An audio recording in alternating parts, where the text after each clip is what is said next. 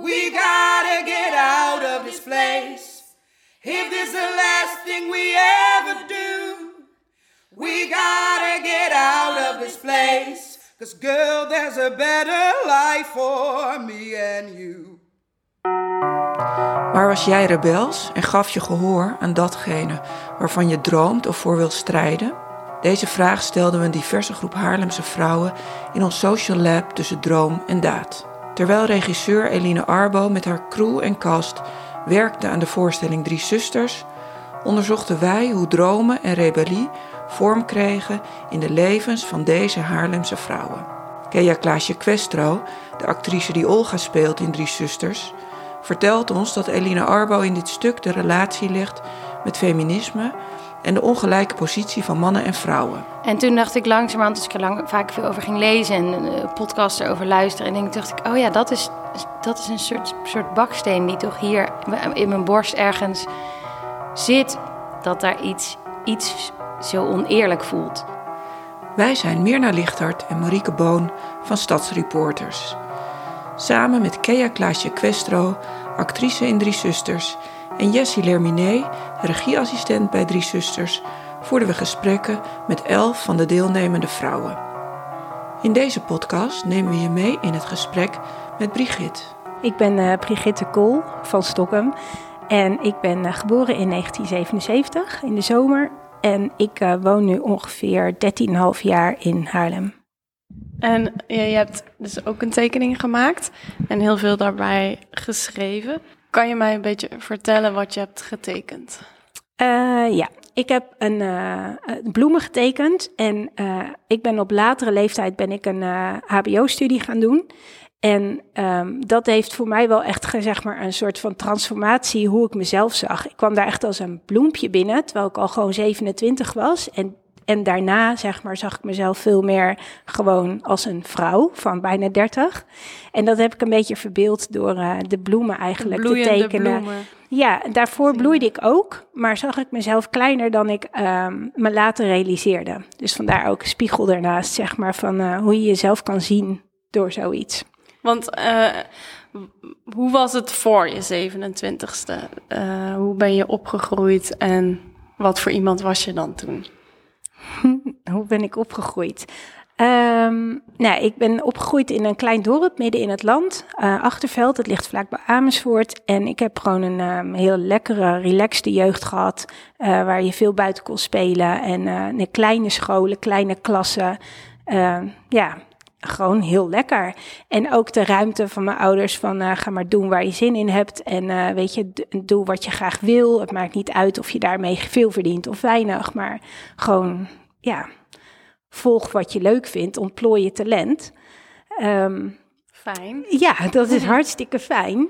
Uh, en toch zit er dan uh, in mijn geval uh, iets bij van, ja, dat als ik het zeg maar aanhaak op die HBO-opleiding, um, ik ben de, daar heb ik daarbij geschreven, ik ben de MAVO gaan doen in plaats van de HAVO-VWO, omdat ik de mensen leuker vond op de MAVO. terwijl dat best wel ieder, iedere ouder wil graag, zeg maar, nou, wat is het hoogste niveau wat je kan halen, ga dat dan maar doen. Nou, ik kreeg ook de kans om uh, gewoon de MAVO te gaan doen. Maar daarna merkte ik ook wel dat mijn keuzes beperkt waren. En ik wist niet precies wat ik wilde. En wat ik wilde, dat was niet echt in een studie te vangen. Dus toen ben ik maar mode. Want, wat wilde je? Ja, nou ja, ik wilde een soort van van alles. Dus dat mm. was niet, ja, dat kan ik nu achteraf zeggen, want nu vallen er veel meer kwartjes voor mij. Maar de, het paste gewoon niet echt in een opleiding. Dus toen heb ik eigenlijk het pretpakket gekozen van een mode, mode- en kledingopleiding. Waarvan ik daarna dacht, ja, maar wat ga ik daar dan mee doen? En dat deed me ook twijfelen van, ja, ga ik daarna, kan ik dan wel een hbo-opleiding? Voor mij stond dat echt gewoon heel ver weg bij mezelf. Dat ik dacht, nou, dat uh, red ik helemaal niet, terwijl mijn cijfers altijd prima waren. Dus waarom ik daar zo over twijfelde, dat kan ik niet meer terughalen. Maar dat is wel de reden geweest dat ik daar heel lang mee gewacht heb. Dat rebellerende is eigenlijk, nou hier een vervolg op. Ik, ik merkte, ik heb gewoon een proces doorlopen um, binnen een organisatie uh, waarin ik um, me ook wel echt wel wilde bewijzen. En uh, op een gegeven moment was dat niet meer nodig. Ook bijvoorbeeld door de, door de opleiding kwam ik er gewoon achter dat ik dat dat ik dat vooruit mezelf moest halen en niet bij anderen moest zoeken. En toen was die druk eraf. En door en ja, veranderingen in mijn leven ben ik anders gaan nadenken over, maar wat wil ik nou nog meer? En ik liep tegen grenzen aan van wat ik graag wilde, maar waarbij de organisatie geen ruimte voor was. En ik zei altijd, ja, ik wil niet iemand worden die maar op de plek blijft zitten omdat het goed betaalt en omdat het baanzekerheid geeft en alles. Dus um, wat zijn dan die gebeurtenissen die er gebeurden, waardoor je er anders tegenaan ging kijken? Uh, sowieso door uh, moeder worden. Um, en uh, ook een verdrietig overlijden in ons gezin. Uh, wat gewoon eigenlijk prioriteiten heeft gegeven van wat is dan belangrijk in je leven. En, ja. en dat, dat is wel, uh, heeft me wel gesterkt van ja, je weet niet hoe lang je hebt. En um, als je keuzes wil maken, of je wil, ik bijvoorbeeld ook voor mijn kinderen voorleven van, weet je, volg je hart en neem gewoon, uh, neem die uh, sprong of neem het risico, dan moet ik dat zelf ook doen. Dus ik vind wel uh, practice what you preach. Dus op een gegeven moment heb ik inderdaad met, terwijl mijn jongste zoontje toen echt uh, nou ja, nog luiers om had, um, gedacht, ja, maar dit, hier ligt dus niet mijn, uh, zeg maar, toekomst. Ik zeg mijn baan op zonder dat er wat nieuws was en ik ga een tijdje leven van mijn spaargeld. Wat, wat ik dan ook nog mijn eigen spaargeld en dat niet van mijn man wilde hebben, omdat ik het zelf wilde doen. Denk je dat in dat bedrijf dat je niet verder kon groeien zo, om, omdat het zo was? Of had het er ook mee te maken dat je een vrouw bent? Nou, daar heb ik eigenlijk nooit zo over nagedacht of dat met vrouw zijn te maken heeft. Maar ik werkte wel heel erg in een mannenomgeving. En die vinden het niet. Het is af en toe wel lastig, zeg maar, om dan uh, het gesprek te voeren. Die vinden het niet makkelijker als iemand anders vrouwen beter ideeën hebben. Nee, dat heb ik wel zo ervaren. Dat heb je wel gemerkt, ja. ja. Ik zou zo zeg maar zeven dagen in de week kunnen werken, want ik vind mijn werk echt super leuk. En er komt ook altijd van alles voorbij waarbij ik denk, oh, dit kan ook. En oh, hier ligt nog een leuke kans. En aan de andere kant wil ik ook gewoon thuis kunnen zijn. En uh, nou, de jongste twee zijn nog zeg maar onder de twaalf, dus die, uh, dat wil ik ook gewoon heel graag. Alleen die, ik kan mezelf niet klonen en ik kan ook niet van 24, 48 uur maken. Dus dit is wel echt, ja, daar zit ik mezelf af en toe wel echt in de weg. Kan je het wel met je man over hebben? Kunnen jullie het goed verdelen? Ja, we kunnen het wel aardig verdelen. Maar ook wij hebben nog best wel een traditionele rolverdeling. Uh, zeg maar, ik denk dat ik meer uren maak dan hij. En ik doe ook gewoon een heel groot deel van het huishouden. Ja. Terwijl hij ook wel echt wel, vind ik, een behoorlijk geëmancipeerde moeder heeft. Uh, die ook echt over dit soort dingen nadenkt. En, uh, maar ik denk wel dat het een soort patroon is wat je, ja, dat zorgzame of zo. En ook wel een soort van verplichting. En ik leerde ook wel veel van. Want aan de andere kant ben ik wel makkelijker geworden met sommige dingen waarvan ik vond dat het nodig was. Terwijl hij dan zei: Oké, maar wat is het allerergste wat er gebeurt als we nu naar buiten gaan en we gaan met de kinderen spelen in plaats van het aanrecht opruimen? Dat is echt een heel stom voorbeeld. Maar dat heeft me wel aan denken gezet. Dat ik dacht: Oh ja, ik heb, heb heel vaak van die beloningsdingetje in mijn hoofd. Eerst dit en dit en dit en dan tijd voor mezelf. En dat, als ik dat zeg maar goed in mijn achterhoofd heb, dan gaat het een heel stuk beter. Dus dan geeft het niet dat ze een keer McDonald's eten in plaats van spinazie. Ja, ja. Hey, en Brie, nog even terug naar jouw verhaal van je bent dus weggegaan op je werk. De voorstelling ja. gaat over drie zusters die willen naar Moskou, die blijven daarover dromen. Ja. Jij had ook een droom, maar die was nog best vaag, maar je, ging toch, je kwam toch in beweging. Ja. En wat gebeurde er toen? Het heeft mij ontzettend veel uh, gebracht. En ik snap ook waarom Marieke deze vraag stelt. Want in die periode hebben wij elkaar ontmoet. En we hebben best wel wat gesprekken gehad over de waarde van geld. Wat dat op het moment dat je het altijd prima hebt gehad en alles kon je betalen en het ging altijd goed. En ineens is dat een heel stuk minder en je moet opletten met wat je uitgeeft. Um, we hadden het thuis vroeger niet heel breed, maar ik heb daar nooit echt nou ja, notie van genomen of zo. Terwijl het nu echt wel anders was. Dus dat vond ik echt al super waardevol. En dat maakte ook dat ik gewoon heb gezien dat ik eigenlijk heel weinig nodig heb om echt te kunnen genieten. En ik vond het heel lekker dat, omdat ik vrij was en geen status meer had, ik, kwam niet meer binnen met een functie of met een, uh, ik kom dit en dit doen. Uh, dat is ook een soort van kwetsbaarheid die ik eigenlijk niet meer kwijt wil. En dat ik me steeds opnieuw, terwijl ik nu het gewoon echt lekker druk heb en genoeg opdrachten, uh, dat ik me steeds realiseer van het zit niet alleen maar daarin. Weet je, het gaat over wie je bent in plaats van uh, wat je doet. En dat, uh, dat dat volgend jaar zo ook maar weer anders kan zijn. Ja, wel heel erg dapper. En het sluit ook wel aan bij het stuk wat natuurlijk rond 1900 is geschreven, maar daar zit ook een van de zussen die is ehm, getrouwd, maar wil eigenlijk niet meer bij deze man zijn, maar kan gewoon niet scheiden omdat ze niet omdat ze af, totaal afhankelijk is qua geld. En dus in de eerste feministische golf, die zich dan zo rond 1900 afspeelt, is of ja, pas eigenlijk aan het einde van die eerste golf, dat vrouwen pas eigen geld mogen bezitten. Ja. Daarvoor hadden ze niet eens Nee. eigen geld. Dus het is wel, eh, het is mooi om te horen dat jij dan nu zo 120 jaar later, zeg maar, of 100, 100 jaar later eigenlijk pas, eh alsnog zoiets hebt van nee, ik wil het zelf, ik wil het zelf. Ja. En dat dat nog niet eens zo makkelijk is. Nee, maar dat zelf doen, dat zie ik bij mijn moeder, bij mijn oma en bij mijn overgrootoma. Terwijl ik denk, ja, het is soms ook wel een. ehm, het is soms ook een last, want hulpvraag is echt iets heel moois. Ja, dus je hebt het aan de ene kant meegekregen om zo stevig en voor, als vrouw voor Ja. jezelf te kunnen zorgen en zelf je Ja. te, te kunnen Je rooien. eigen rok op te houden. Ja, je rok op te houden, maar tegelijkertijd ervaar je er ook de negatieve kant van. Of van inderdaad gewoon überhaupt als mens is Ja. hul- hulp vragen geen slecht idee. Nee, nee. Nee. En eh, eh, durf, kan je dat nu wel? Het gaat wat beter, maar met geld vind ik het heel lekker als ik gewoon mijn eigen spaarrekening heb. Dat ik denk, no matter what. Maar ja, dat blijft wel een dingetje. Ja. Als je zoiets doet, Brie, wat, hè, wat wij dus nu dapper noemen, om dan je baan op te zeggen. Had jij toen, eh, voelde jij je gesteund door andere vrouwen? Of waren er ook vrouwen die juist eh, negatief reageerden? Ja, beide kanten. Ik heb ontzettend veel steun aan echt mijn beste vriendinnetjes gehad in deze keus. Eh, die dat eh, nou ja, echt gewoon stimuleerden met veel goede gesprekken. En trouwens ook mijn man, want Tom heeft wel echt de, het duwtje gegeven van weet je, dat kan je, doe het maar gewoon, we redden het wel. Ehm, dus, eh, maar er waren ook wel opmerkingen met, eh, inderdaad, is dat nou wel slim? Kan je dan ooit nog wel terugkomen? En je hebt hier zo hard je best voor gedaan en je hebt een vast contract. En dat gaat heel erg over de angsten dat het dan straks niet goed met je gaat. Hey, en eh jaloezie van andere vrouwen? Ehm, ja. ja, dat heb ik ook wel eens gehad. Absoluut. En helemaal, oh, zeg maar, de aanname, weet je, zo van. Dat het, zeg maar, vooral op het financiële stuk. Van dat ze dat moeilijk vinden of zo, weet je wel. Terwijl ik denk, ja, maar weet je, je kunt ook andere dingen laten.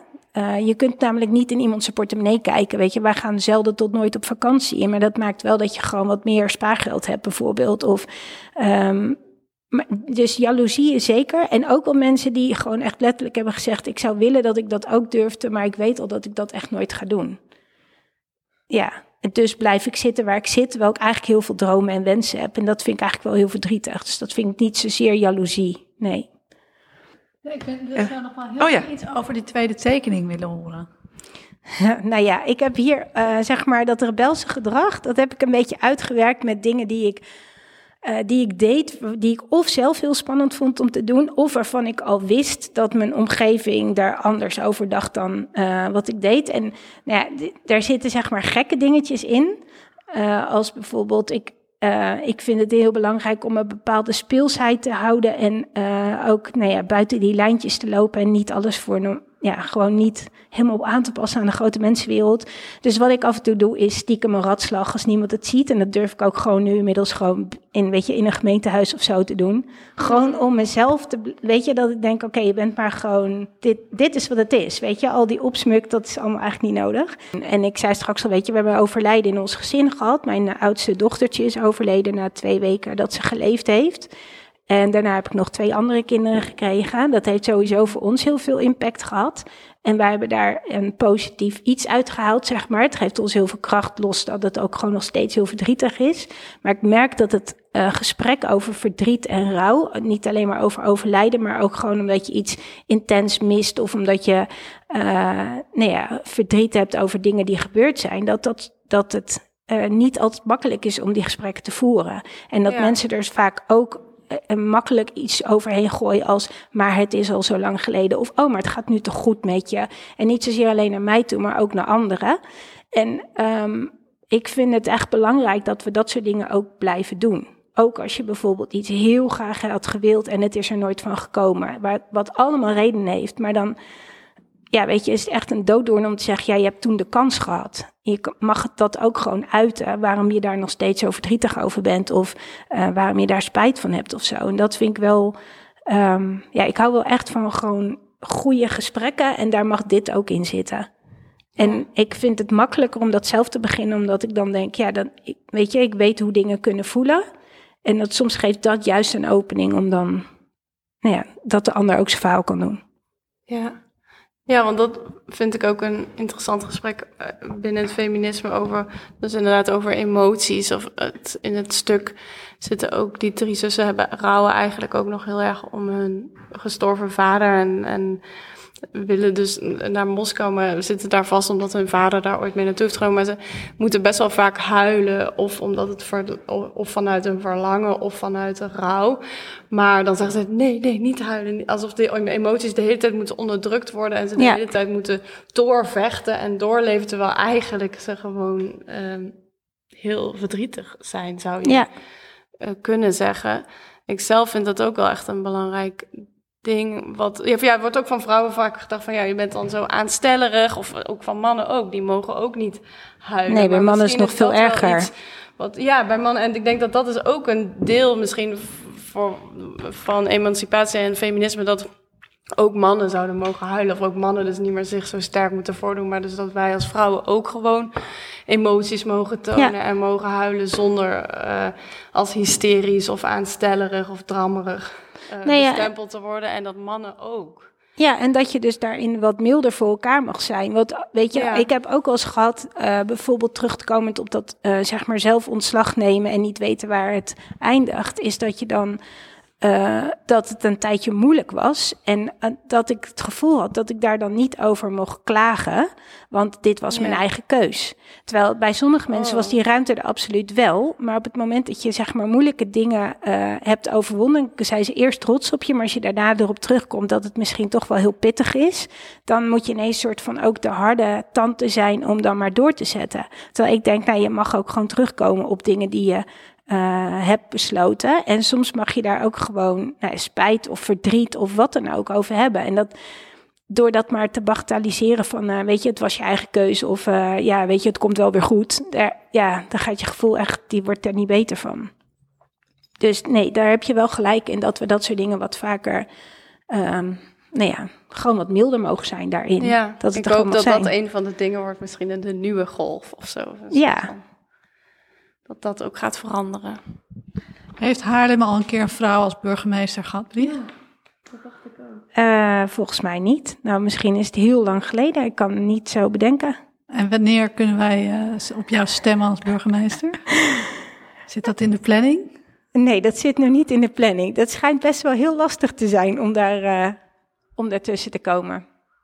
Dus um, dat heb ik niet zelf geprobeerd, maar ik heb dat van dichtbij gevolgd. En dan moet je toch in het politieke wereldje aardig, zeg maar, um, dikke vrienden worden. En dat is een dingetje waar ik wat minder behoefte aan heb. Dus ik weet het niet. Misschien, je gaat het op een andere manier doen. Ja, misschien wel. Of burgemeester van iets anders. Ja. ja. Ik zie wel zo voor me dat jij dan als burgemeester een ratslag maakt door het gemeentehuis. Ja, met die zware ketting om. Ja klap tegen de grond. Ja, dit is vooral een stukje speelsheid. Dat ik denk, we hebben echt wel heel veel serieuze thema's met elkaar te, te, doen. En daar werk ik ook elke dag aan. Maar weet je, dat af en toe gewoon dat kind zijn en gewoon dingen doen die, weet je, waarvan anderen kunnen zeggen, doe jij nou? Ja, dat, dat geeft wel een soort van ruimte om dat gewoon te blijven doen. Ja. Dit was een van de podcasts die voort is gekomen uit ons social lab tussen droom en daad. Dit lab kwam mede tot stand dankzij Jun Kwan Lo van de toneelschuur en in samenwerking met Eva Duurlacher. Het werd mogelijk gemaakt door het Bankgiro Loterijfonds en de BNG Langleven Kunstprijs. Onze dank gaat uit naar de vrouwen die meededen aan ons lab, die met zoveel moed en openheid hun verhalen met elkaar en met jullie gedeeld hebben. Graag verwijzen we naar de website van Toneelschuurproducties, backslash social lab streep tussen droom en daad. Daar zijn de gehele verhalen van de vrouwen te beluisteren en hun portret en tekeningen te zien. Ook nodigen we je graag uit de toneelschuur te bezoeken. Tijdens de speelperiode van Drie Zusters worden de tekeningen van deze vrouwen tentoongesteld. Wij zijn Mirna Lichthart en Marieke Boon van Stadsreporters. Als je meer van ons wil zien of horen, bezoek dan onze website www.stadsreporters.nl.